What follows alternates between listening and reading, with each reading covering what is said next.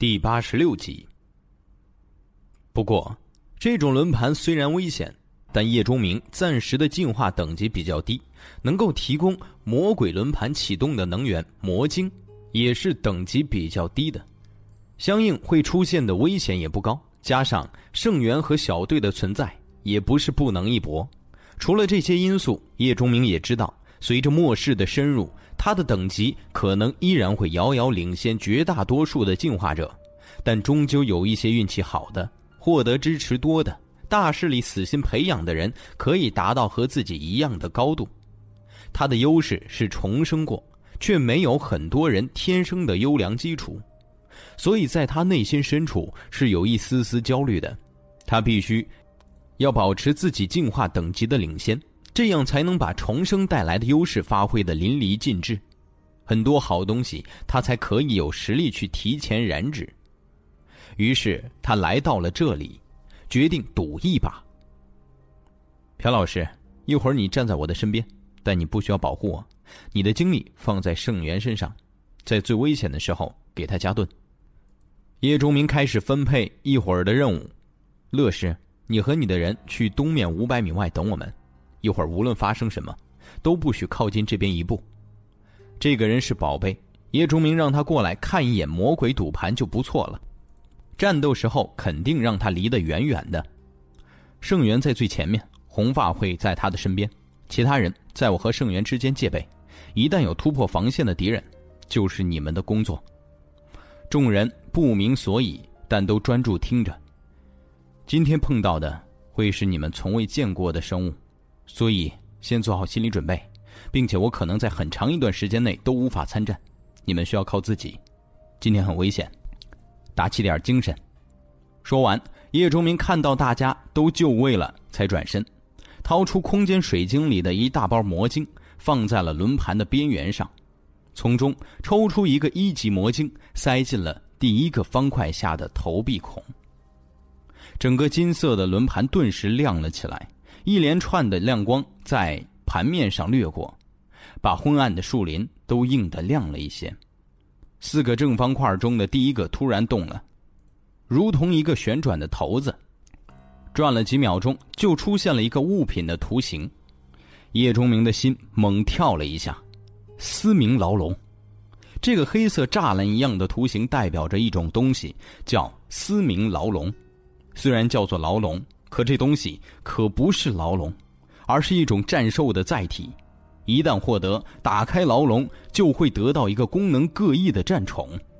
因为地黄丸的存在，让叶钟明本有些疏忽这方面的装备，但现在突然出现了思明牢笼，让叶钟明意识到末世幸存者所能依靠的一大战力——战宠出现了。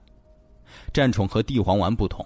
地黄丸这种通常都是末世开始前就和主人有极深的感情存在，变异后依然维持了这种关系。这种情况的变异动物有战宠的能力，却不能遵守战宠的规则。一旦和主人感情变了，这样的战宠是可以离开，甚至和主人反目的。而从思明牢笼得到的战宠是要遵守战宠规则的。很简单，战宠是一种奴性的存在。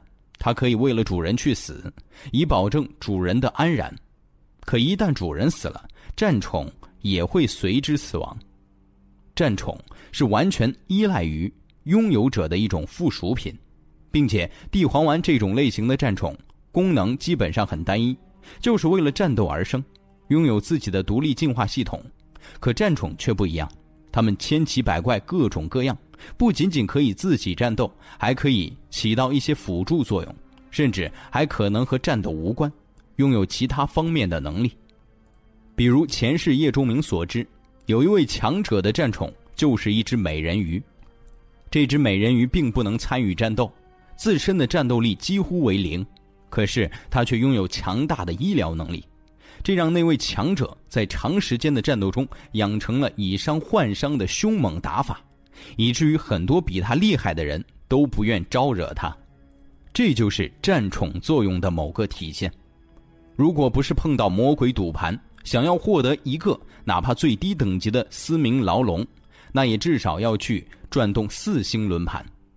今天这东西却在这里出现了，哪怕是最低级的司明牢笼，那也是四星轮盘才会出产的东西。想要获得，即便是叶钟明，可能也需要几个月以后才可以。这就是魔鬼赌盘的魅力。得别人所不可得，暂时还没有危险出现，所以众人的目光还在轮盘之上。看到轮盘的盘面动了，并且出现了一个图形，都看得啧啧称奇。只有大个子盛元满头雾水，不知道为什么这个救了自己叫做叶钟明的小男人，好像提前知道了一切似的。以他的身高，这个国度绝大部分的男人，也的确是小男人。叶钟明稳了稳，才从袋子里大把大把的抓出一级魔晶，开始填进那个凹进去的小洞里。注意，要来了！叶钟明低声提醒大家：当这个小洞被上百块一级魔晶填满的时候，上面白色的盖子自动闭合了。之后，盘面上另外三个正方块开始了翻动，而第一个有着嘶鸣牢笼图案的正方块却没有动。有节奏的、带着机械感的翻动声嗡嗡响着，也刺激着所有人的心。这个轮盘的转动方式和某些赌博机类似，大家看了一眼也就知道基本的用法。可是叶钟明说会有危险出现，又让大家知道这东西不会那么简单。第二个白色方块翻动的速度变慢了，众人明显看到好几个图案循环而过，其中就有和第一个方块一模一样的牢笼图案，还有一个青白色的人类女性图案。除此之外，一个红色的猛兽团也很显眼，甚至还有一个被浓烟环绕的黑色骷髅图案。总之，一共是九个各不相同的图形。方块速度越来越慢，缓缓停在了那个红色的猛兽图案上。没等大家询问这是什么，从魔鬼轮盘顶部那个探照灯似的东西上，出现了一道光，射在了轮盘前十几米的地方。接着一声凶猛的嚎叫后，一头浑身火红色毛发、和之前方块上图形一模一样的猛兽出现在了那里。烈焰之狮，叶钟明咒骂了一声，嘴里大喊道：“拦住他！”众人也都看到了这头威风凛凛、类似雄狮一样的猛兽。他额头上黑色的魔晶告诉大家，他是一只进化等级为三的强悍敌人。这是几级？盛元在乌兰县城只见过一级和二级的变异生命，还不知道三级长什么样，所以看到这个怪物出现，下意识的问了出来：“三级，三级。”盛元眼睛一亮，巨盾往身前一立，突然大吼道：“畜生，来吧！”那边正在等待第三方块停止的叶钟明，差点没趴在轮盘上。这人呐，有的时候真的是不会变的。前世这家伙就是这句口头语，这辈子还是。烈焰之师恐怖的巨脸上露出一个残忍的拟人笑容，突然张开大嘴，喷出了一股带着硫磺味道的烈焰。此时，第三个方块也停止了下来，可依然不是嘶鸣牢笼的团，而是一个黑色的人形蜥蜴。探照灯再次亮起，射在了距离烈焰之势不远的地方。一只和图案一模一样，只是放大了很多倍的人形蜥蜴出现在了那里。虫人，叶崇明咬了咬牙，心说：“魔鬼赌盘果然是魔鬼赌盘，现在就有虫人出来了。这是一种在末世很让人厌烦的生命。叶钟明前世被潜伏者所杀，其实。”那就是一种虫人，不过通常来说，大家习惯于叫他们“该死的虫子”。这些虫子的能力都非常诡异，让幸存者防不胜防。相同的进化等级之下，人们更愿意遇到一只变异丧尸或者怪兽，而不愿意遇到虫人。这只人形蜥蜴也一样，同为三级变异生命。叶钟明宁可多出现一只烈焰之狮。而不是这种全身都是锋利骨刃，嘴里还能喷出腐蚀液体的讨厌家伙，还是三级。小虎在后面都有点看傻了。他之前也就和二级的变异生命打过架，那种被压着狂殴的感觉让他现在还心有余悸。这一下就出现了两个三级，让神经大条的小虎都紧张了。烈焰之师防止他的火焰被沾到很麻烦。这个黑色虫人注意他吐出的酸液，腐蚀性很强，全身都是黑色的骨刃，随时会张开。不要被他现在的表现骗了。叶钟明在后面飞速的说着应该注意的地方，希望这样能够让大家一会儿战斗起来，不至于什么都不懂。这个时候，最后一个白色方块的转动也缓缓停了下来。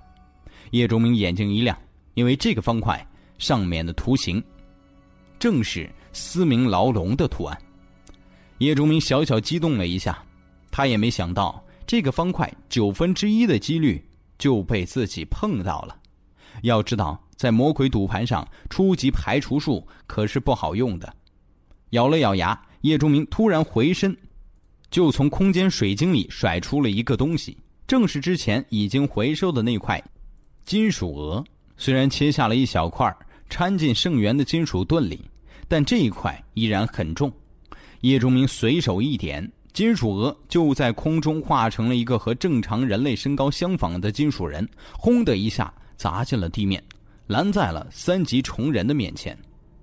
耐久五百，持续时间八分钟。叶仲明付出了近二百点精神力，召唤出了他目前为止最强大的初级凝幻术召唤物。然而这还没完，他又点向了不远处地面上一处凸起。那是一块埋在地下的巨石，又是二百点精神力的付出，一个石头巨人从那里站了起来，咆哮着扑向了烈焰之虎，一下子付出四百点精神力。按照之前的情况，叶钟明的精神力已经下降到了一个危险程度，可是他这一次却看不出什么异样。第三次点在了圣元身侧的地面，一个土巨人站了起来。张开双臂挡在了众人之前，六百点精神力瞬间消耗。引风，眼刀。叶钟明最强大的攻击技能从天而降，直奔虫人。换成之前的叶钟明，现在精神力恐怕早已经透支，整个人都要软倒在地了。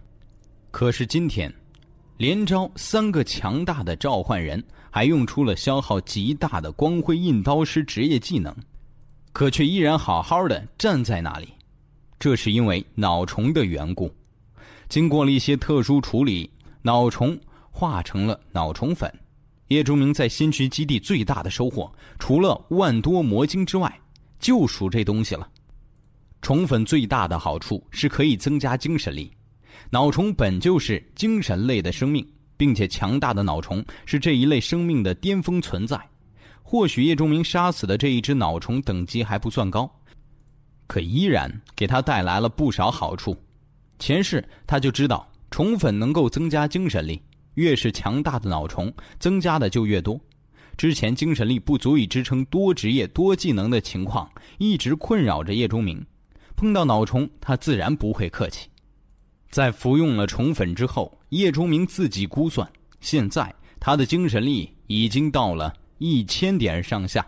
除此之外，叶钟明还发现了一些以前自己不知道的好处，只是他现在还有些弄不清楚，无法用语言来表达。叶钟明出手之后，没去看结果，他知道连之前普通的三级白手丧尸，自己的绝招都不能秒杀。实力明显高出普通三级生命的虫人也不会被自己杀死，能够让他受伤，就算目的达到。接下来的事情就交给自己的同伴了。他迅速拿出一枚二级魔晶，塞进了已经出现思明牢笼图案方块对应的投币孔中。这叫做定盘，意思就是。当魔鬼赌盘上三个正方块出现了和第一个方块同样的图案之后，转动者可以用比起始魔晶高出一个等级的魔晶来固定这个图案。接下来，再次转动到时候，这个方块就不会再动，直到四个图案全部一样得到奖励，或者时间到了重新开始，并且定盘的“定”子不仅仅体现在固定图案，还意味着转动者也要被固定在轮盘之前，直到中奖或者时间结束。那个探照灯似的东西上光芒组成的细线流淌了下来，迅速把叶钟明裹在了其中，把他和魔鬼赌盘固定在了一起。现在叶钟明除了转动轮盘，做不了其他任何事情。也就是说，如果没有其他人替他战斗，他会被烈焰之师和虫人瞬间杀死。这就是魔鬼赌盘的可怕之处。它可以让转动到的图案生物化成实体发动攻击，你转动的次数越多，出现的怪物就越多，并且怪物的等级基本上要比启动轮盘所用的魔晶等级高一级或者两级。想想，如果你转动了一次，每一个方块都没有中，就会出现三个高级怪物；两次全没有中，就会出现两个高级怪物。如果三次全没中，四次全没中，五次全没中，只要不是运气逆天，转动魔鬼赌盘就必然会面对数个、数十个甚至数百个高级生物。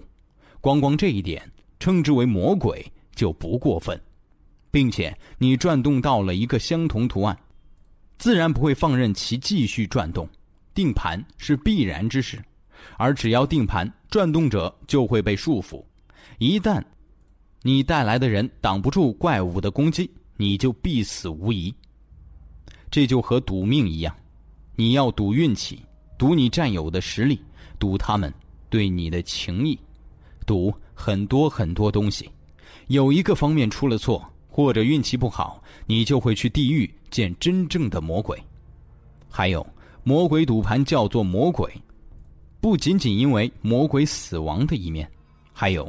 他贪婪的一面，转动魔鬼赌盘需要四个方块全部出现一样的图案才可以获奖。换句话说，转动者最多需要定盘两次。第一次定盘需要一枚等级比启动赌盘高一级的魔晶，第二次则需要高两级的魔晶。因为杀死了白手丧尸，获得了一枚三级魔晶，他可以定盘两次。这是叶钟明决定来转动魔鬼赌盘的另外一个原因。算上填坑一样花费的巨量一级魔晶，转动魔鬼赌盘可不是普通进化者能够办到的事情。所以前世，魔鬼赌盘还有一个外号——富人赌盘。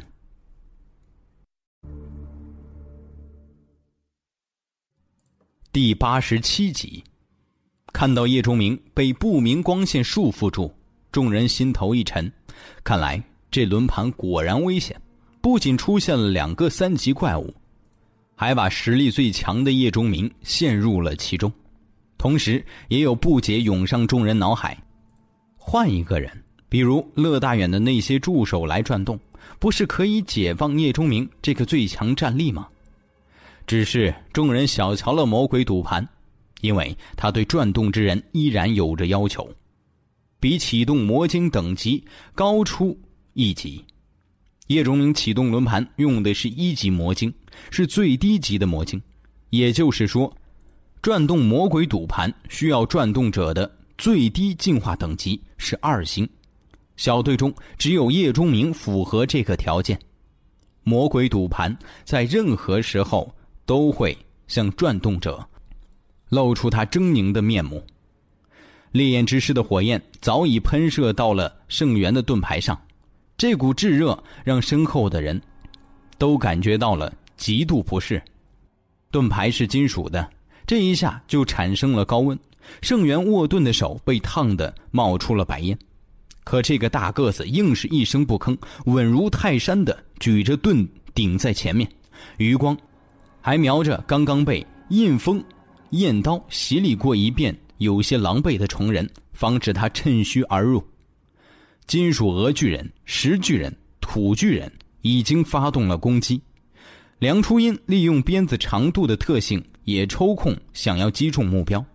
场中的战斗已经在定盘的同时激烈展开。魔鬼赌盘上白色的凹洞盖子自动打开，里面的魔晶已经消失不见。叶钟明用最快的时间再次填满，轮盘伴随着后面激烈的战斗声再次转动了起来。这一次，只有中间的两个白色方块在转动，每一个都纠结着叶钟明的心。第二个缓缓的停了，叶钟明低骂了一声，因为那上面又是一个虫人的图案，只是和蜥蜴人不同，这是一只螳螂人。不过运气还不算背到家，这个螳螂人等级只有二级，对形势影响不大。第三个白色方块也停了，叶钟明狠砸了一下操作台，第三个图形是一个拿着银色铁叉的半人。半蛇，那家，海生的三级变异生命。探照灯光之下，一个两米高的女性那家武士出现了，带着五颜六色肉冠，还有阴森的黄褐色竖立瞳孔。三只三级生命，一只二级生命。小队的人脸都白了，他们听说叶钟明说了今天会很危险，可万万没想到是这么危险呢。一只三级生命就够小队喝一壶了，现在一下来了三只。莫叶下意识的回头看了一眼，正看到叶钟明已经开始了第三次转动，而马上要停下来的第二个方块上面，是一个看起来就凶恶至极的骷髅战士。莫叶张了张嘴，转过头，他还是不看了吧，他害怕自己的心理防线就在这一个个出现的高级怪物面前崩溃。而现在，小队的防线在这些怪物的面前，也的确面临着崩溃。仲凯剑楼，叶钟明虽然被束缚在了魔鬼赌盘之前，可注意力大半还在战场之上。看到这个浑身被黑色金属包裹、手里提着一把巨剑的骷髅出现，也颇为无奈的摇摇头。他现在有心无力，只能让队友们去解决问题。不过，他对圣元还是有着十足的信心的。仲凯剑楼属于亡灵生命，他们并没有魔晶，不过却同样有着等级。看看他们骨头的颜色就知道了。最低级的亡灵生命骨头是灰色的，实力大概相当于普通的丧尸；高级一些的则是白色骨头，更厉害的就是黑色骨头。之后依次是蓝骨、紫骨、红骨、黄骨。银骨和金骨，这一只重铠剑楼那厚重的铠甲之后是黑色骨头，显然实力和三级变异生命相当。烈焰之师，蜥蜴虫人，那家武士，重铠剑楼，四个三级生命加上一个二级的螳螂虫人，让小队的人看得额头见汗。他们还没有见过这么多的高等生命。夏雷、莫叶、小虎三个人心里尤其没底，因为在湖畔战斗中，他们见识过那只三级尸猿的恐怖，对于三级变异生命的强大，心里已经有了阴影。现在一下子出现四个，即便是神经再大条，也知道形势不容乐观。枪虫人，叶钟明突然出声提示，同时脑海中发出了命令。红发铁狮和地黄丸从队伍里冲出，一个猛然一跃，锋锐如刀的右臂插向了烈焰之狮的颈部，而地黄丸则突出圣元半个身子，脖子处的毛发嗖嗖嗖的射了出去，目标是除了蜥蜴虫人之外的所有怪兽。小队的人已经习惯于听从叶钟明的命令，耳畔传来老大的声音，立刻举起了枪，对准已经受了伤的虫人。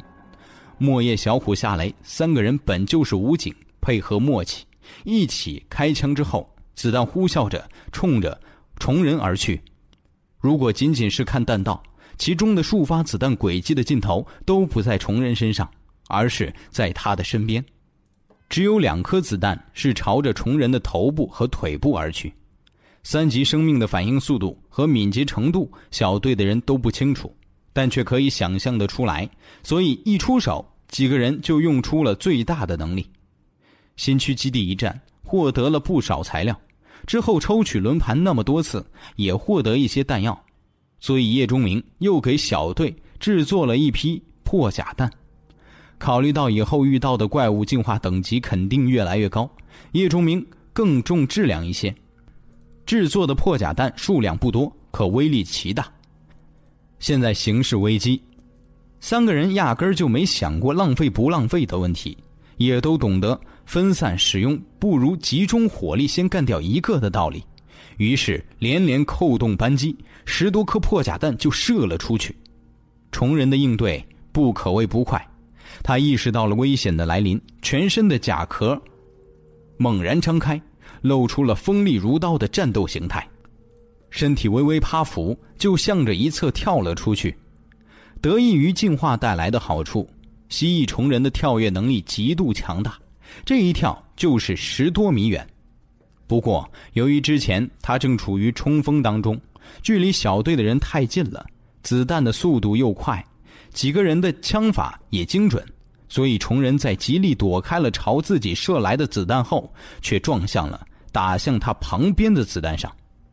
破甲弹强大的穿透力立刻在他的身上打出了几个血洞，其中一颗甚至从他粗大的脖颈处爆开。炸的那里的血肉只剩下原来的一半。本就受了伤的虫人身体在空中就失去了控制，当的一下砸在了地上。金色的尖锐毛发和三颗破甲弹接踵而至，几乎同时射进了虫人还在晃动的脑袋里。绿色和白色混合在一起的脑浆直接爆了出来，一个三级虫人瞬间被解决。这样的战果让众人精神一振。其实能够这么快速杀掉一个三级虫人，确实有些意外。不过仔细想想，又在情理之中。首先，叶钟明的职业技能就伤到了虫人，即便没有秒杀他，也让他身体受到了重创。叶钟明这种上来就下狠手的习惯，让虫人和之前被杀掉的白手丧尸一样，都准备不足，做出了防御。却付出了代价。其次，荣耀工匠职业的强大再一次显现。经过铜质强化和附魔制作而成的破甲弹，威力巨大。这些用二级甚至三级材料制作而成的恐怖东西，被同样改良过的枪械激发，所产生的动能和威力，足以对四级的生命产生威胁。三级的生命自然不在话下。加之如此近距离的攻击。射击者又都是优秀的枪手，在不吝惜数量的前提下，击杀一个三级生命也就不难理解了。这就是叶钟明价值的体现。换成其他队伍，哪怕也有一个二星进化者，但绝不能在这么短的时间内杀掉一个有着诸多帮手的三级生命。一击得手，地黄丸飞速的退了回来。红发铁狮刚才对烈焰之狮发起了攻击，在石头巨人的配合下，逼退了这个三级怪物两步后，也和地黄丸一样退回了圣元身后。不过，烈焰之狮终究是强大的生命，就这么一会儿，石头巨人的一只手就被他咬了下去。虽然红发铁狮也在他的身上打了一下，可这头怪物也只是后退了两步，可铁狮的手。却被他浑身包裹的火焰灼烧，灰白的皮肤有些发黑。另一边，金属鹅对上了那家女武士，两个怪物叮叮当当的互相拼斗了几下。金属鹅作为召唤物的劣势尽显无疑，他跟不上那家武士的速度，更没有抵挡他的武技，被那家手里的铁叉刺的身上全是孔洞，耐久度狂降。这么一会儿，已经降到了原来的一半。不过，因为耐打能扛的金属俄人，也让战斗力不俗的那家暂时无法对小队造成威胁。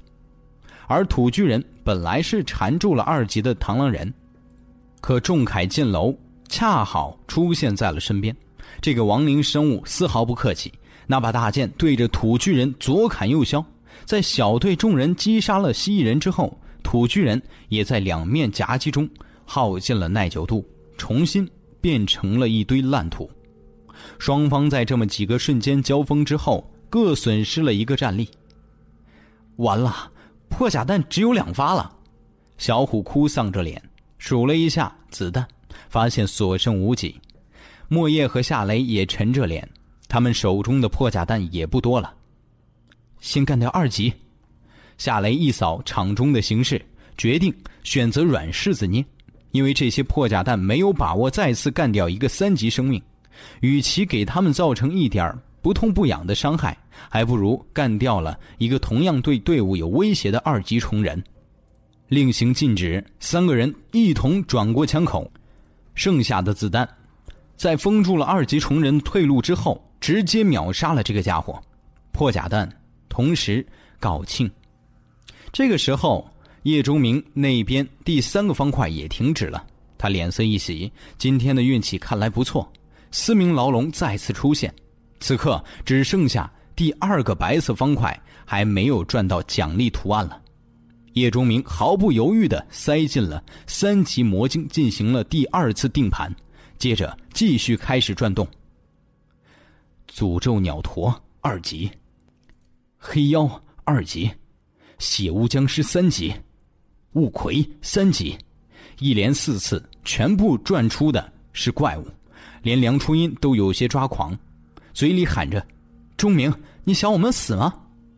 叶钟明当然不想他们死，可他就是这手气。此刻，叶钟明的脸色比任何人都难看。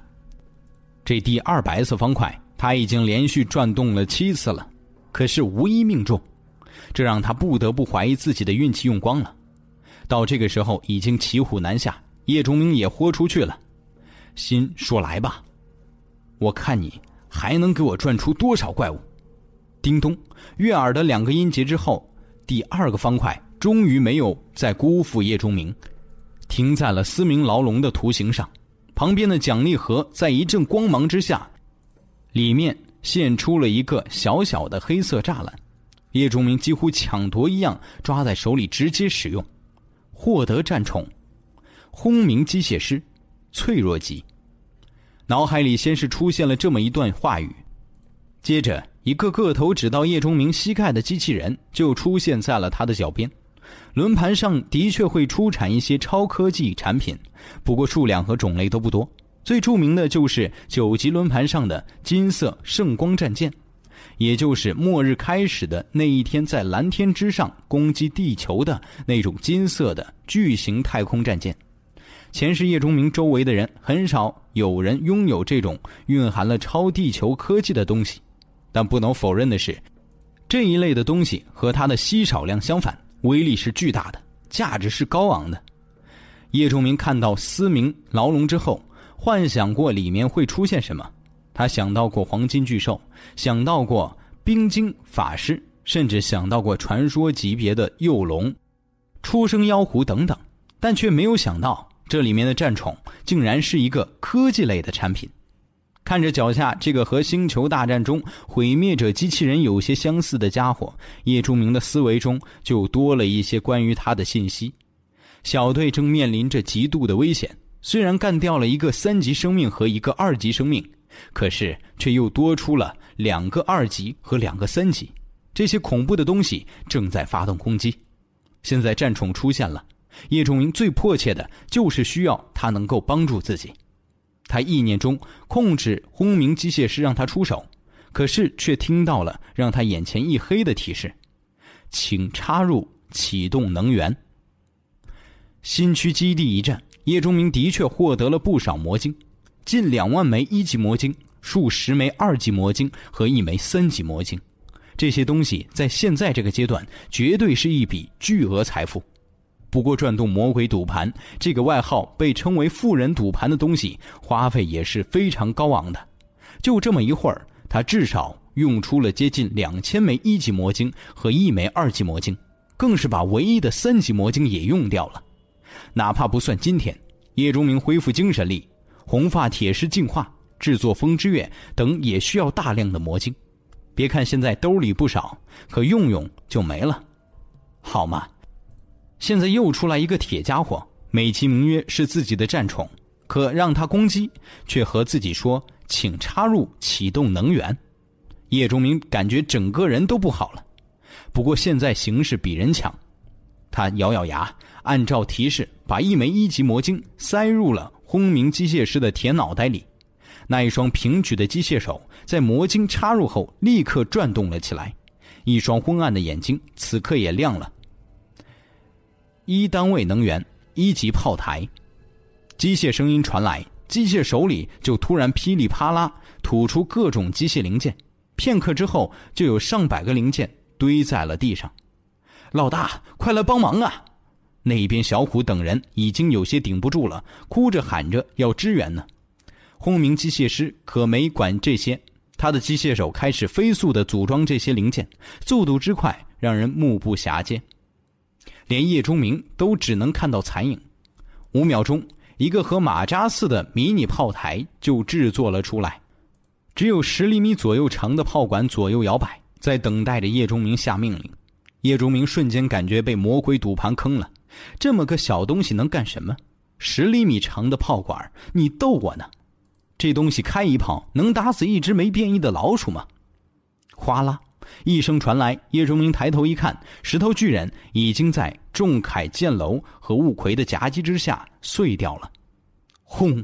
另一边，金属鹅人在给了那家狠狠一下，把他的脸都打歪的同时，却也架不住身侧三级。血巫僵尸和二级诅咒巫驼的攻击，重新化成了一块没有生命的金属，而圣元举着盾牌，也在三级烈焰之狮子、二级黑妖的联手冲击下连连后退。虽然没有被直接攻击到身体，却受到了极大的震荡，嘴里不断的在涌出一丝丝鲜血。其他人在没有了几个初级凝幻术。召唤出来的巨人掩护后，也不敢贸然上前，只能在圣元的身旁帮助他攻击面前的对手。第八十八集，叶崇明抽出了风之月，他知道自己必须出手了，否则今天大家都会死在这里。他实在是没想到，自己竟然被魔鬼赌盘坑了一手。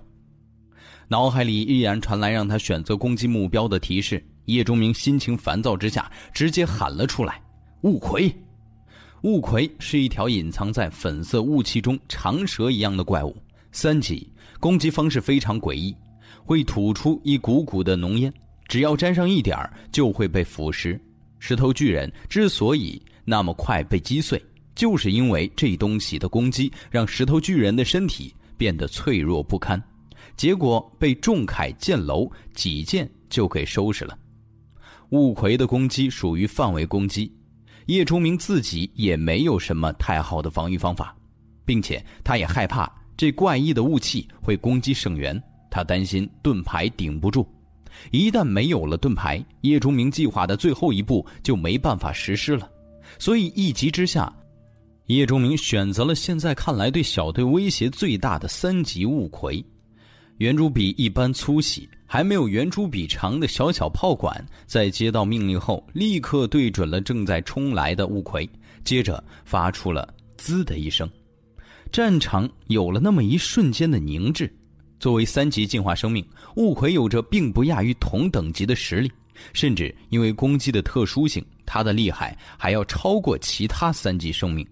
当小小的炮管对准它的时候，它并没有十分在意。他的眼中全是最前面那个人类手里的盾牌，不过当炮管亮起的瞬间，他感到了极度的危险。雾气中的他本能的极力闪避，可是，一道银色光芒之后，他虽然避开了要害，可是却发现身体失去了控制。雾葵的下半蛇身上被那道光生生打出了一个大洞，血腥大嘴里发出了惊天的惨叫。一个三级进化生命竟然在一击之下被重创，小队的人都愣了。他们知道这东西是老大捣鼓出来的新玩意儿，之前身在战斗之中也没有仔细看。可现在这一下，他们只觉得一道光闪过，那个看起来鬼森森、藏在雾气中的怪物就被打穿了身体。那可是一个三级进化生命啊！小队里除了叶钟明，有一个算一个。谁也没有这种能力呀！叶钟明也被深深的震惊了，他承认自己小看了这家伙。能够一下子给三级变异生命造成这么严重的伤害，小队中只有叶钟明光辉印刀师的组合职业技能能够做到。也就是说，这个用了一枚一级魔晶驱动的小炮台，竟然可以发出和二星进化者威力相当的攻击。这是一个什么概念？这几乎是一个让叶钟明拥有了和自己等同实力帮手的概念。思明牢笼。竟然强大如斯，这就是四星轮盘上才会出现的奖励。发出了惊动众人的一击之后，轰鸣机械师的双眼立刻暗淡了下去，炮台上的小炮管也耷拉了，失去了能源。叶钟明赶紧又塞了一枚魔晶到了轰鸣机械师的脑袋中，这一次他用的是二级的魔晶，小机器人立刻有了活力。一双机械手把之前的炮台直接拆掉，之后又迅速的组成了一个全新的炮台。这个炮台明显比刚才的大了一圈，炮口也长了一些，粗了一些，体格从小马扎变成了一个半小马扎。不过建造这个炮台所用的时间也多了一些，足足用去近二十秒。九十八能源，二级炮台。这一段时间，小队的防线再次被压缩，逼得已经从魔鬼赌盘上解放的叶钟明也不得不参与到战斗中。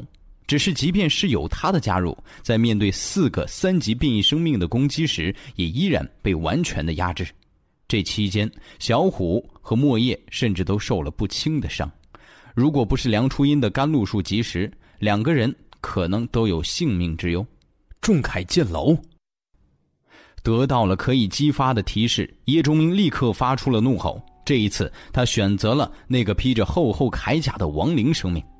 选择他的理由只有一个：他慢。相比于其他三级生命，这个家伙的速度是最慢的，攻击却很强。于是，他就成了叶钟明的打击目标。炮管停顿了一下，然后发出了一道更加耀眼的射线。意识到了危机。仲恺剑楼把巨大的武器挡在了他自己的面前，他速度慢，知道躲不开，于是做出了最好的应对。轰！光芒在这一刻爆发，卷起了强力气浪，无论是怪兽还是人类，都被吹得向后退去。光芒之后是只剩下半截身体的仲恺剑楼，这一下直接把三级生命打掉了半截身体，只留下上半身在地面上挣扎。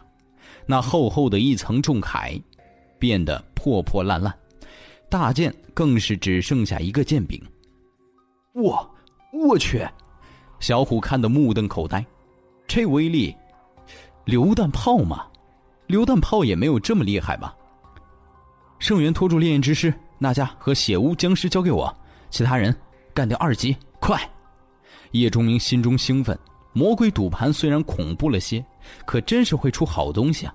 看看这个轰鸣机械师带来的变化，本来要使用最后一招险中求胜的，现在竟然看到了战而胜之的曙光。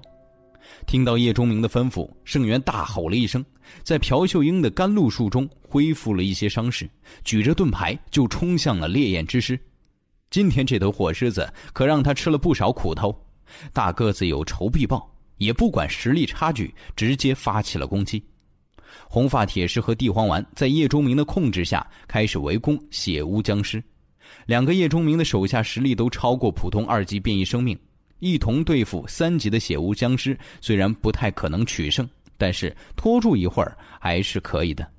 叶钟明自己则直面受了些伤的那家武士，在和金属鹅的战斗中，这个海生变异生命付出了一些代价。金属鹅因为自身材质的关系，力量大，防御强。那家虽然一直压着金属怪人打，可也被偶尔打中了几下，每一下都让那家不好受。现在那张如果忽略皮肤颜色足以称得上美丽的脸孔，还歪扭着，就是被金属鹅巨人临死前打的。叶钟明对上他，自然没打算拼命，他只是虚晃了两下，就再次来到了轰鸣机械师旁边，飞速的往他的大脑袋里塞了一枚二级魔晶。目标就是那家，叶钟明相信这一次攻击之后，就算不杀死那家，也能让他失去大半的战斗力。因为他刚刚计算过炮台射线的速度和娜迦的速度，他很肯定这个漂亮的海生生物不可能完全躲过炮台的攻击。只要他受了伤，叶钟明就有把握在短时间内宰了他。本来已经胜券在握，叶钟明嘴角甚至都开始上翘，却突然听到了轰鸣机械师传来了一声让他毁三观的提示：警告，使用冷却钟。跳脚骂娘不是叶钟明的性格，他现在想一刀把这个轰鸣机械师砍成两半。他终于意识到被忽略的一个词：脆弱级。是的，轰鸣机械师强大出乎他的意料，那种一级魔晶就可以发挥威力极大射线的高性价比，让叶钟明一度认为捡到宝贝。事实上，它确实是个宝贝。不过，任何东西的强大都不是没有代价的。轰鸣机械师也一样，它在具有了极高性价比的同时，也被限制了使用时间。叶崇明现在没时间去具体了解这个使用时间到底有个什么限制，因为那些三级怪物已经再次冲了上来。或许是刚才轰鸣机械师的攻击让他们感到了极度威胁，这些变异生命都疯了一般，各种各样的天赋技能都甩了出来。一时间，小队被打得灰头土脸。一道光芒照在了圣元身上，大个子被那家刺中的左肋好受了一些，身体里翻腾的血气也平稳了少许。一面半透明的小盾牌出现在了圣元的左脸旁边。血污僵尸本该插入人类头部的幽绿利爪，啪的一下被挡住了。朴秀英这么一会儿就已经用出了八次甘露术。开出了四面空灵盾。这位老师是小队里除了叶钟明以外唯一吃了宠粉的人。光明使徒这个职业对团队的实力加成太大了，多少次如果没有朴老师的空灵盾，小队必定要减员。现在大家能够活得好好的，叶钟明功劳第一，朴秀英功劳绝对是第二，还有甘露术，在治疗了大家的伤患之外，为小队提供了强大的续航能力。要是没有这个职业技能，叶钟明想要取得现在的成就是不可能的。进化者同样会受伤，受伤了就需要恢复。有了朴老师的甘露术，因为伤势耽搁的时间几乎可以忽略不计。叶钟明很清楚，在未来自己和队伍需要这位老师发挥更大的作用，于是宠粉，叶钟明分出了一半给朴秀英。服用了这种好东西的朴老师精神力大涨，加之光明使徒的职业技能消耗精神力本就少，让他现在可以使用甘露术和空灵盾的次数大幅度增加。所以现在战况虽然激烈，朴秀英使出了不少次技能，但他的精神力还很充裕，并且他也不敢使用太多，因为叶钟明在行动之前单独告诉过他，需要留出大量的精神力备用。至于叶钟明到底要干什么，朴秀英不知道，他只知道听这个曾经学称的话就可以了。到现在为止，他还没让大家失望过。这些三级生命颇有智慧，他们看出了谁对他们最有威胁。那家和血巫僵尸一直在压制着叶钟明，而烈焰之狮子则放弃了攻击圣元，让黑妖代替了他的位置，他则去另一边攻击小队的其他人。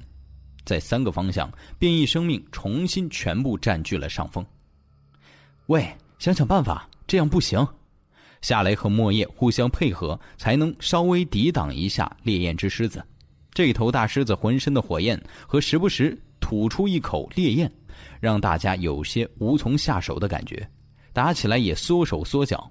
本身实力就和三级有着巨大的差距，束缚之下，更是让战斗变得无比危险。也许下一个不小心就会被三级变异生命抓住机会。叶钟明眼中的血丝多了一些，他的心中在挣扎。真的用最后一招？如果刚才没有看到希望，倒也罢了。可明明轰鸣机械师带来了胜利的曙光，可以不用最后一招冒险了。但希望瞬间又破灭了，这让叶钟明多少有些不甘。可是。看到小队的人在苦苦支撑，叶钟明的挣扎逐渐消失，面色变得坚毅了起来。既然这样，就按照计划来吧。火中取栗，未尝不可。叶钟明突然向着面前的两个三级变异生命甩出了自己最强大的技能，然后趁着这一击给两个怪物造成的麻烦，闪电一般冲向了这群怪物后面受了重伤的雾葵。本来软倒在地的雾葵压根儿就没想到这个时候还能有人冲破防线，他正全力恢复着身体的伤势。高级的丧尸和怪兽有着人类进化者无法比拟的自愈能力。雾葵也不例外，他只需要一些时间就能够站起，不能恢复如初，也能在一会儿进食大餐的时候自己走过去，而不是躺在这里眼睁睁的看着。那家和血雾僵尸被印风焰刀弄得有些狼狈，这个人类的绝招对他们有着极强威慑力，特别是那把战刀发出的刀芒，他们哪怕是看着也能感到一丝恐惧。全力躲过了之后，两只怪物正想反击，却发现对手已经冲了出去，正举着刀砍向自己的同伴。雾葵无比憋屈，他不能动，又因为是蛇形怪物没有手，只能硬生生的挺着，看着一刀落在自己的身上。不过三级生命毕竟是三级生命，雾葵也不会引颈受戮。他张口喷出了一股雾气，叶钟明可以躲。可是他却没有动弹，如果他躲开了，就失去了击杀这个家伙最后的机会。在他自己的计划里，击杀一只三级生命是必须要做的事情。手臂尽量挡住头脸，风之月直接切下了雾葵的脑袋。顾不得手臂和一些裸露出来皮肤的灼热刺痛，叶钟明飞速的挖下魔晶就向后退去。那家和血雾僵尸的攻击到了。叶钟明没有和他们硬拼，在付出了被血雾僵尸一拳打在后背的代价后，终于寻找到了缝隙，冲进了队伍中。之后就退入到了圣元的身后。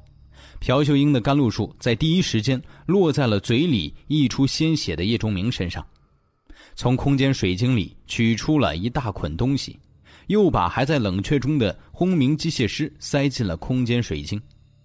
收缩阵型，防守。叶钟明忍着伤痛，一声令下，让圣元再次回到了之前的完全防御状态中。接着，控制着红发铁狮拦在了另外一侧，其他人在旁边帮衬。大家看到叶忠明拿出的东西，脸色都变得无比冷峻。除了顶在前面，被三级生命压得腰都快直不起来、嘴里不断渗血的盛元外，其他人呼吸都变了。每个人都感觉到了死亡的降临，叶忠明重新站到了魔鬼赌盘前。老老大，你你不是要和怪物硬生生对碰了一下兵器？风之月在怪物身上留下了一道口子，可小虎也被刀身上传来的巨大力量震飞，跌到了队伍深处。一抬头，他就看到了放在众人脚下的东西，还有叶钟明手里夹着的。正往轮盘里塞的一枚一级魔晶，小虎感觉这才是真正的末世。现在这么些怪物小队的人已经无法应对了，难道老大你还要再多召一些出来？这不是找死吗？是，淡淡的回答却让大家都知道了叶钟明的决心。叮，魔晶落入轮盘里的声音传来。可在众人的耳朵里，这就是地狱之门敞开时的呼号。已经全部恢复了原状的第一个白色方块开始翻动，几秒钟之后停了下来，露出了一个石门似的图案。叶钟明不认识，此刻他顾不得什么了，一把一把的魔晶往凹洞里塞，让轮盘开始转动。第二个方块停了，不是；第三个方块停了，不是；第四个方块停了。还不是。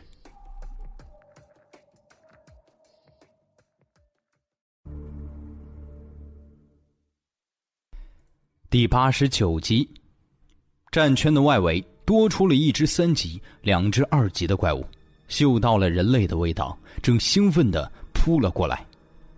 叶钟明仿佛没听到，再次塞入了魔晶，快的让那只手都有了残影。就和轰鸣机械师建造炮台一样，轮盘又动了，第二个方块停了，不是，第三个，不是，第四个，依然不是。又是三只怪物出现了。这个时候，无论是叶钟明还是小队众人已经麻木，根本不去看等级，他们怕信心被瞬间摧毁。用不用？盛元顶在最前面，受到的攻击最多。如果不是这面白色级别坚固和韧性都极高的盾牌在，他早就死了。可是现在情况更加的严重。等到那些新出现的怪兽到来之后，也就是说几秒后，盛元知道自己就要死了，于是他开始大喊：“还不到时候！”回答他的是叶钟明几乎没有任何情感波动的声音：“我死了，命就还你了，我们两清。”这一次回答他的是再次转动的轮盘，第一个方块不是，第二个。中了，叶钟明飞速的用二级魔晶定盘，身上随之出现了细细的光线，把它定在了轮盘附近。第三个方块没中，再转，没中，没中，没中，没中。高级生命此时已经成群，红发铁狮被这些怪物在身上开了一道长长的口子，手臂差点没被砍下来，可以让在疯狂战斗。梁初音一个影四方五炫，对三级生命伤害有限，逼退了他们一下的同时，被一个怪物抓住机会，嘴部吸管一样的东西刺中了网红妹的大腿，那里立刻出现了一个血洞。如果不是夏雷剑击快，一把把梁初音拉了归来，网红妹此刻已经被怪物分尸。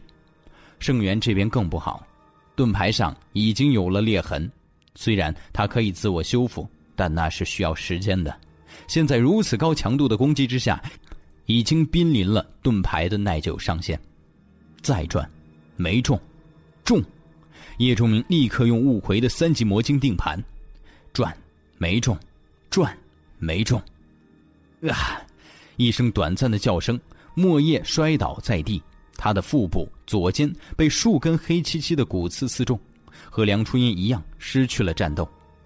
小队到了崩溃的边缘，所有人已经陷入到了绝望拼命的地步。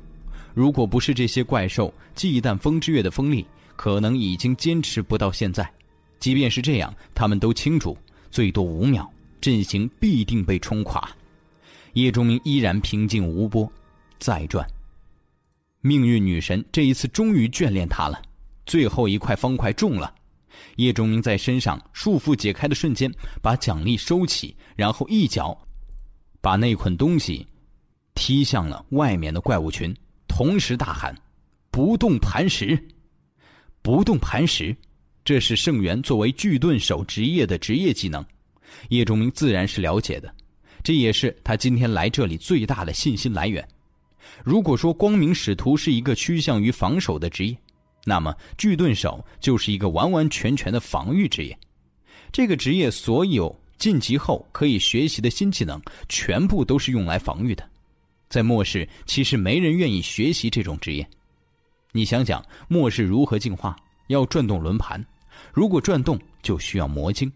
如果获得魔晶，你需要去击杀丧尸或者其他变异生命和怪兽。如果你学习了防御类职业，所有的技能都是防御技能，你怎么杀丧尸？是的，这个职业对于团队作战的确很重要，也可以极大保证团队的安全。可这同时意味着，学习了这个职业的人，把收获的主动权拱手送人了。没人愿意在时时刻刻面临生死危机的时候，把自己变强的道路铺在别人的怜悯和好心之上。即便是盛元自己，在前世也曾经和叶钟明说过。他之所以学习这种职业，只是因为当初的老大黄喜杰需要一个肉盾而已。不过，或许正因为这样，这个防御类的所有职业技能防御力都非常的强力。前世六星进化者的大个子最强的防御技能金色壁垒使用出来之后，甚至连九星进化者都无法一击而溃。不动磐石是巨盾手的第一个职业技能，虽然只是一个初始技能。但同样防御力无比强悍，叶仲明一声呼喊下，圣元仰天长啸，嘴里的血沫喷到了半空，又落到了他的脸上，他却丝毫不觉。这个壮汉把巨盾狠狠地砸在了地上，手里一股精神力注入到了盾牌里，不动，磐石。盛元眼睛怒睁，本来被这些变异生命打得有些摇摇晃晃的身体，突然屹立如山，盾牌上发出了巨大的光芒，一个和盾牌一模一样的幻影出现在了盾牌之旁，接着是第二个、第三个、第四个，片刻之后。一排半透明和空灵盾就几分相似的巨盾幻象就把小队围在了里面。这还没完，在这些幻象盾牌之上，又是另外一层幻象出现。之后是第三层和第四层、第五层。眨眼之间，这些盾牌幻影就整整出现了上下五排，把小队和变异生命切割开来。这些盾牌影子忽明忽暗，却紧紧排在一起。小队的人不再需要拼命，顿时感觉到了轻松，也被盛元这个壮汉的职业技能所吸引。他们不知道还会有这样的能力。相比之下，朴秀英的空灵盾有些迷你，不过空灵盾可是能动的，是自动防御。两种技能各有千秋，这群怪物的攻击可不会因为一个技能的出现就停止。他们刚才被这些盾牌幻象推了出去，已经激怒了他们。在他们看来，这些完全处于劣势的低等人类根本就是一些盘中餐，或许下一秒就能冲毁他们的阵线，尝到血液的美味。至于这个盾牌阵，他们并不觉得有什么。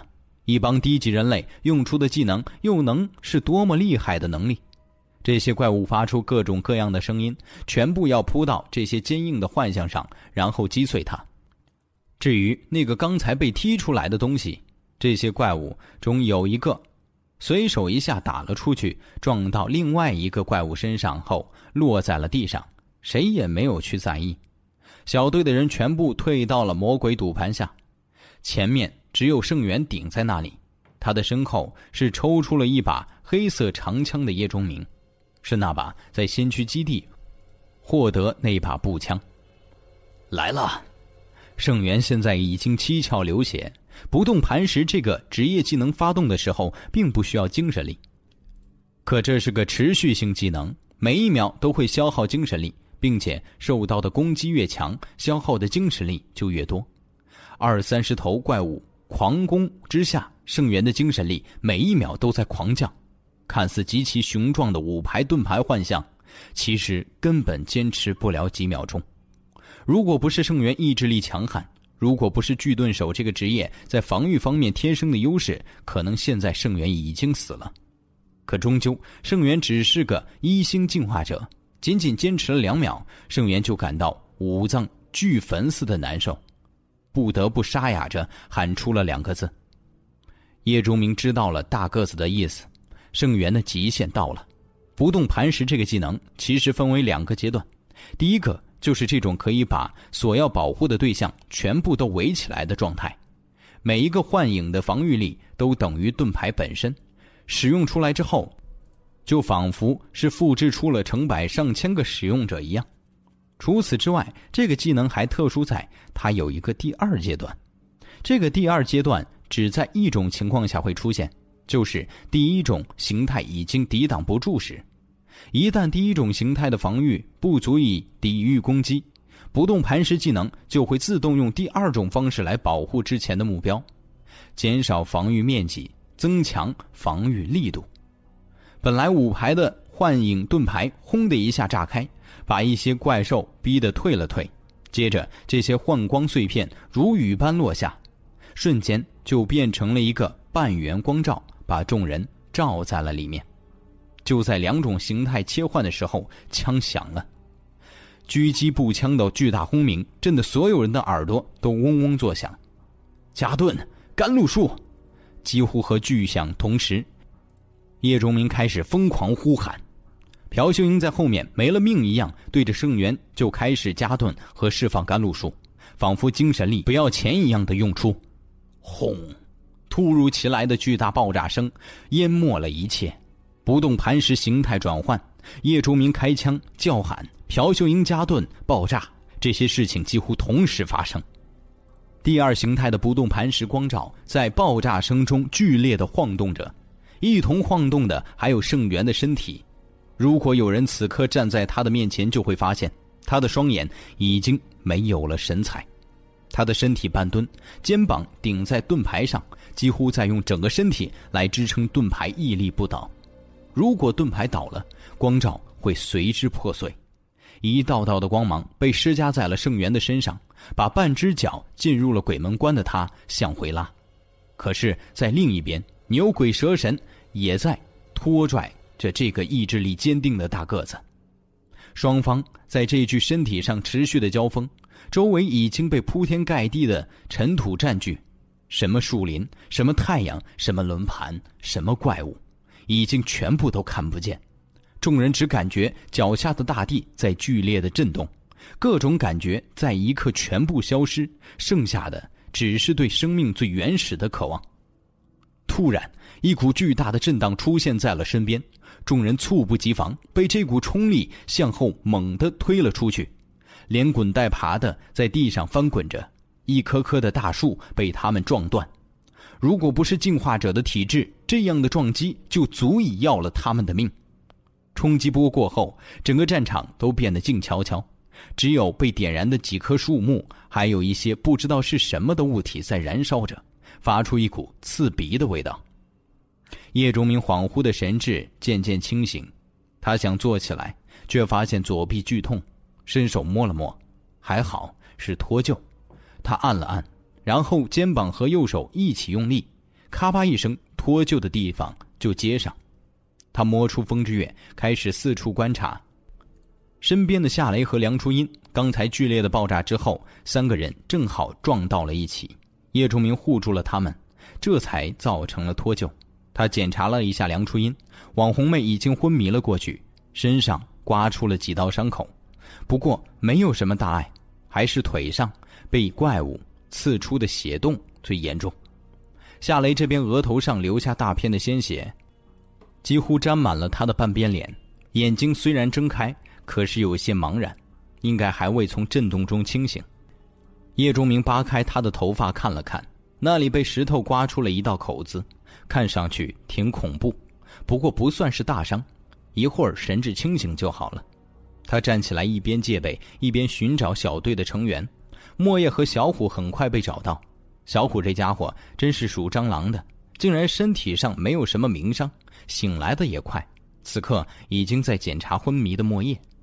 这女人之前就受了伤，行动不便，又被爆炸冲击，此刻看上去不太好。目光又是一转，叶忠明看到了盛元和朴秀英，还有惨兮兮吊着一只前爪的地黄丸。叶钟明迅速赶了过去，先是摸了摸看上去最惨的圣元，他松了口气，这家伙还有气儿，应该是精神力透支，加上身体被震动，有了严重的内伤。朴秀英没有昏迷，可是很狼狈，双膝都被磕破了，此刻正红着眼圈在地上趴着，嘴里不停的说着：“红发呢？红发呢？刚才他替我，我挡住了一块大石。”叶钟明的确在危机关头下令朴秀英努力救助圣元，而红发则被派去保护这位光明圣徒。在这儿，朴秀英高兴地叫了一声，蹒跚跑了过去，在一棵树后发现了整个身体都扭曲了的红发铁尸。钟明，你快！本想叫叶钟明来救救红发，却正好看到了他的身影消失在了。还未完全消散的灰尘之中，接着朴秀英听到了怪物的怒吼和临死前不甘的惨叫。等到还清醒的小队成员在赶来的乐大元几个人帮助下，把昏迷重伤的同伴集中在一块儿，叶钟明从远处缓缓走来，脸上溅着各种颜色的血，额头和下巴带着被灼伤的痕迹，左臂无力垂着，走路一瘸一拐，他的右手没有了风之月。而取而代之的，则是一把魔晶，一把黑色的魔晶。乌兰县城不远处的一处小村庄里，平时游荡的丧尸不见了。如果不是随处可见的骸骨和偶尔徘徊在附近的食腐变异动物，这里甚至会被以为还处于和平年代。村里最大的一栋二层小楼的楼顶，一只金色的大狗正趴在那里晒太阳，不时会舔舔它的前爪，一双耳朵偶尔动动，捕捉周围出现的每一个声音。嗖，一块肉干被甩上了房顶。本来懒洋洋的金色大狗，身体突然前探，敏捷非常的把肉干叼在了嘴里，三两下就吞了下去。我说地黄丸呐，你囫囵吞枣似的，能尝出味道来吗？哎，吃东西要品，品，你懂吗？小虎懒洋洋的声音从下面传了上来。地黄丸斜睨了一下躺在院子里矮花墙上的人类，丢给了他一个鄙视的眼神。这是队伍从乌兰山下来的第四天，当天伤重的小队在山里休息了一夜，第二天就来到了这里。进化者的恢复能力是很强的，在休息了两天之后，伤势比较轻的人已经好的差不多了。到现在为止，只有莫叶、梁初音和盛元身体没有完全恢复。不过莫叶和梁初音基本上都是外伤，虽然没有全好，可基本上已经行动无碍。再过一两天，应该就会完好如初。比较严重的是盛元，这个大个子因为一直顶在最前，即便是有白色盾牌和职业技能保护，也是受伤最重。昨天晚上才刚刚醒来，现在还不能下床。这个时候，朴秀英光明使徒的职业技能甘露术治疗侧重点方面的短板就暴露了出来。这是一种对外伤非常有效。却对内伤效果一般的技能，伤势多为承受巨大冲击造成内腑损害的圣元，恢复的慢也有这个原因在内。村口有些声响，地黄丸耳朵顿时就动了动，趴在爪子上的大头立刻抬起，看向了那边。叶忠明和乐大远以及乐大远的两个助手正走向小楼，地黄丸直接从楼顶一跃而下。冲着村口就跑了过去，一边跑，大尾巴还一边不停的摇晃着，那频率和小马达似的。片刻之后，叶仲明一行人就到了楼下。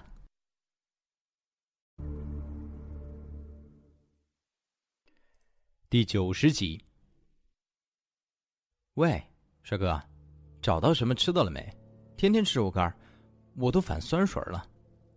大家又经历了一场生死战斗。彼此关系更近了一步。梁初音坐在二楼阳台的栏杆上，一双长腿在那里荡啊荡的，看着下面的叶钟明，娇声喊道：“小网红，你确定不是因为有了才反酸？”夏雷也出来了，听到梁初音说话，在一边愉快的揶揄道：“啊，雷姐，有了是什么意思？宝宝不懂。”听着嗲嗲的声音。其他人集体打了一个冷战，全部退败，留下两个女人在阳台上没心没肺的笑着，把身上背着的大包扔到地上。叶钟明接过朴秀英递过来的一瓶水，喝了两口，问道：“盛元怎么样了？”“比昨天好了一些，但还需要休息。”朴秀英精神有些不好，这些天她不断的在重复着释放甘露术和恢复精神力这两件事情。让小队里的其他人飞速恢复的同时，无论是精神上还是身体上，这位老师都感到疲劳。嗯，还有，红发的伤势不怎么见好。朴秀英是小队里心肠最软的，红发在那一天最后爆炸的时候救了他，让这个女人心怀感激，竟然还在这个被制作出来的人魁身上使用甘露术，不过却没有什么效果。叶钟明皱皱眉，想了想，暂时先这样，我来想想办法。说着，指了指带回的包。我和乐师找了些水果罐头，给大家分分吧。小队那一天陪着叶钟明赌了一次命，结果虽然还算完美，但过程有些惊心动魄。即便是现在回想起来，小队的成员也有些心有余悸。那天最后的计划是一场类似于同归于尽的大爆炸。这些进化者在感到恐惧的同时，也对叶钟明的胆子有了新的认识。计划但凡出现一点纰漏，大家就都完蛋了。那捆被引爆的东西是夏雷在新区基地里定向爆破了两栋楼后剩下的炸药，上面还绑着这些天小队陆陆续续从轮盘或者幸存者那里得来的一些手雷、手榴弹、土炸药等。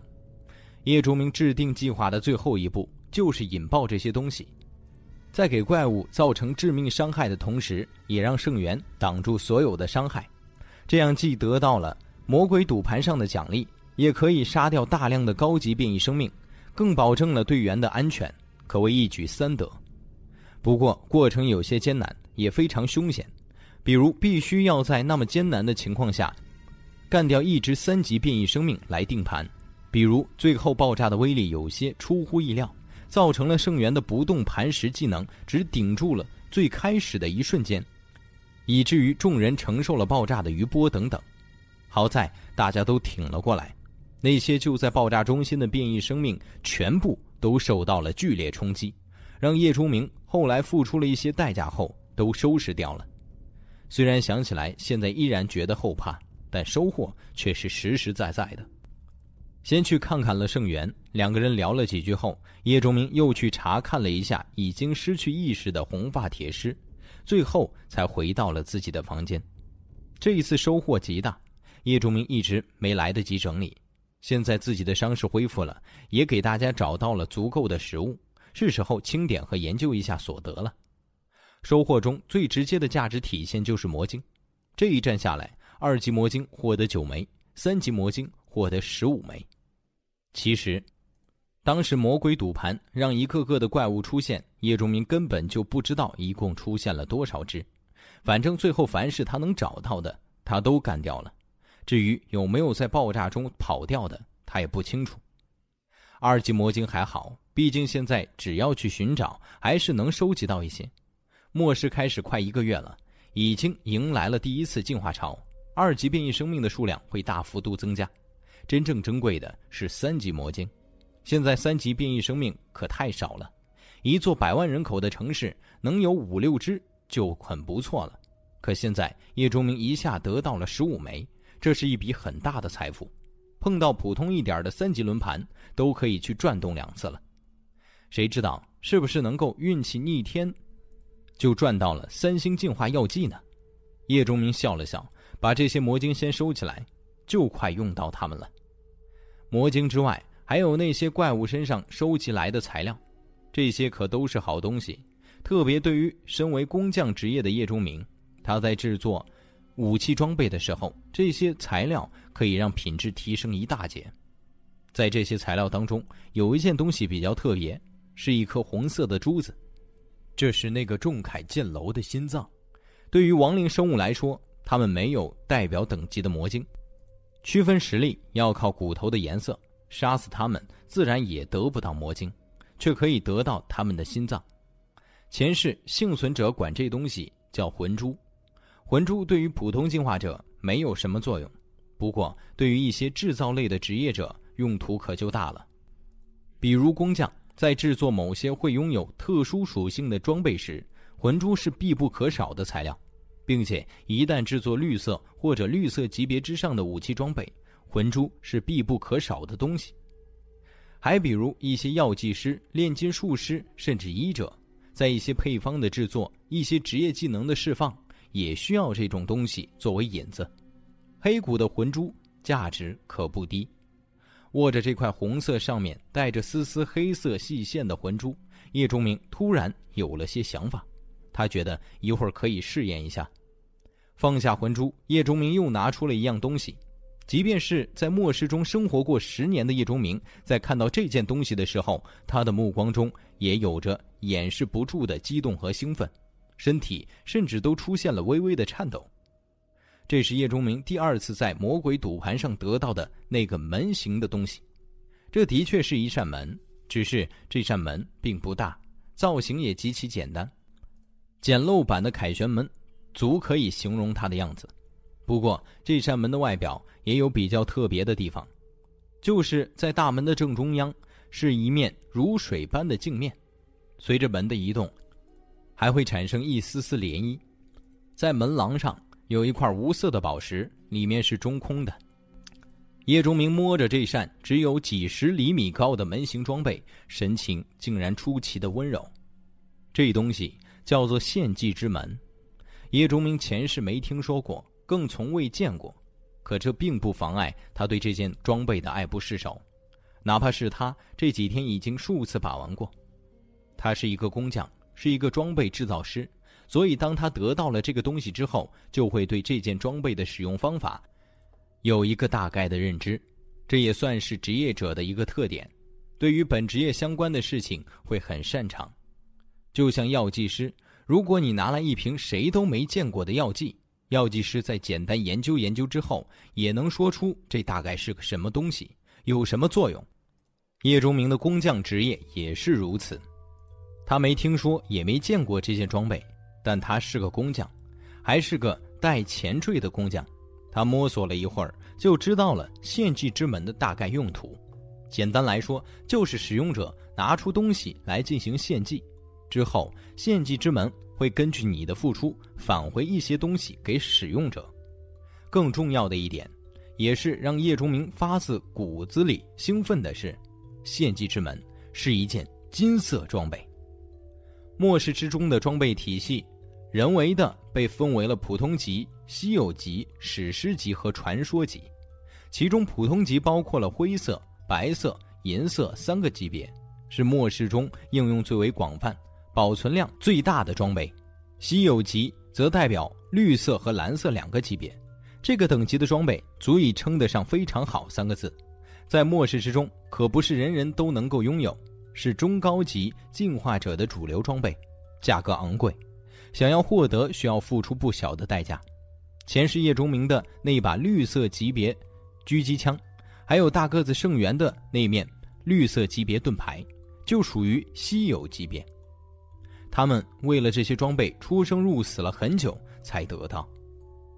稀有级别之上就是史诗级，包括金色和紫色两种级别。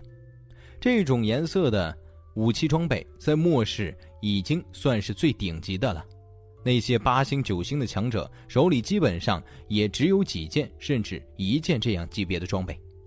史诗级的东西实在是太难得了。如果要从轮盘上获得这样的装备，七级轮盘才有产出，并且十分十分的稀少，八级轮盘才会变得多一些。可是世界上有多少人能够转动八级轮盘？只有九星的强者偶尔才能够积攒到足够多的八级魔晶，去八级轮盘上碰碰运气。其他的人也就是对着人家流流口水。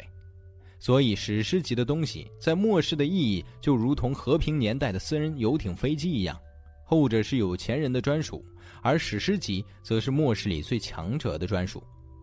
至于传说级，那就真的是传说了。据说是会发出七彩光芒的装备，极少有人见过。叶钟明的印象里，只有前世一些武装商人排出的一些榜单上才出现过传说级的装备。正常来说，成为七星进化者才有可能闻到史诗级别装备的味道。真想拥有八星才有可能。可现在在魔鬼赌盘上，叶钟明得到了一件献祭之门，一件金色的献祭之门，一件真真正正的史诗级装备。谁能不兴奋？在这一刻，哪怕再让叶钟明去冒一次险，他也是会去的。只要这件金色装备属于自己。叶钟明直到现在都觉得自己的运气有些逆天了。魔鬼赌盘被称为赌盘，自然是对转动者运气的一种考验，同时也是有它一定规律的。比如启动魔晶的等级高低，在一定程度上决定着赌出的东西好与坏。一级魔晶作为启动能源，那么可以让转动者获得的东西，一定没有用二级魔晶为启动魔晶时的东西好。而用三级魔晶为启动源，可以赌出的东西自然也要比二级启动源的强。每个人都想要得到更好的东西，可是赌盘是公平的，你想要获得更好，就要面对更加危险的挑战。你用二级魔晶启动赌盘，那遇到的怪物可就是三级和四级的了。换句话说，用二级魔晶启动赌盘，转动者和他的同伴要对付铁索囚徒那样实力的怪物。叶中明小队在面对一些三级怪物的时候，都被打得毫无还手之力。如果没有圣元在，早就全军覆没了。如果选择二级启动，那不是开玩笑吗？死的连渣子都不会剩，并且用二级魔晶来启动赌盘，需要的是三星进化者。小队压根就没有符合这个条件的人，就算有，定盘的时候需要三级和四级魔晶，哪里去找？更何况叶钟明最后一招用爆炸清场，其实也只能把三级生命炸得伤而不死，四级根本就造不成威胁。在这样的情况下，叶钟明其实对于能够从赌盘上获得的东西是有一个心理预期的。他之前想过，如果运气够好，可能会得到两件稀有级别的装备。如果这样冒险，就值得了。可谁能想到，竟然得到了一件金色史诗级的献祭之门？这运气不是逆天是什么？很多前世的进化者们都自嘲过。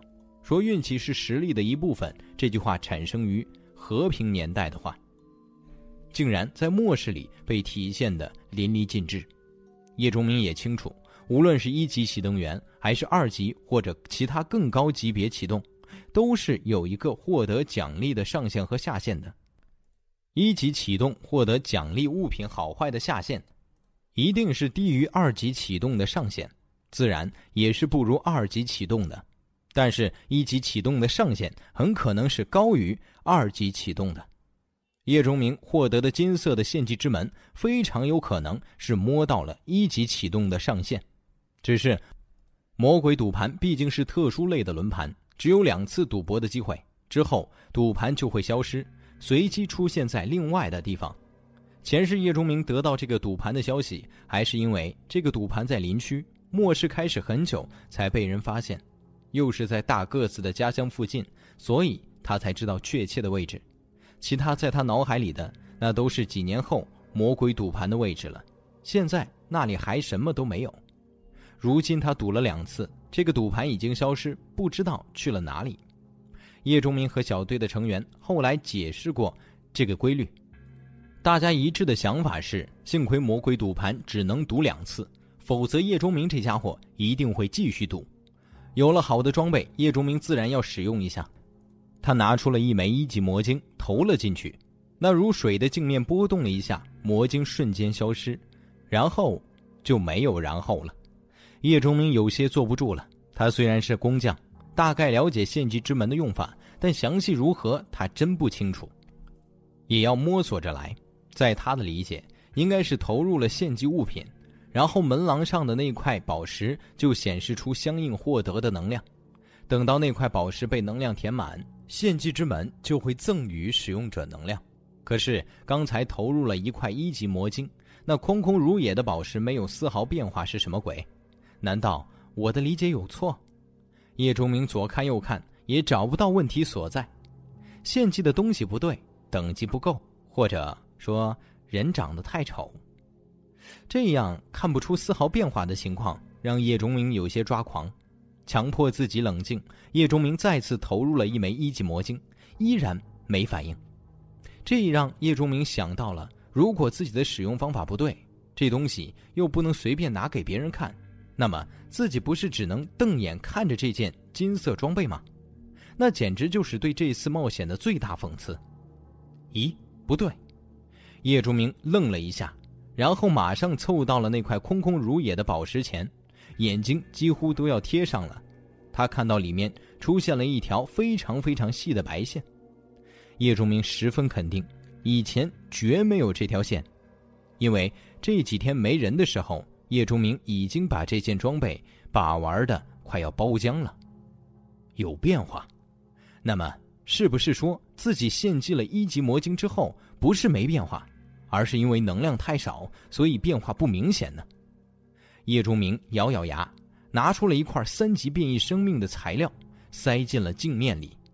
果然，白线壮大了一点这一次，叶钟明把握到这个改变。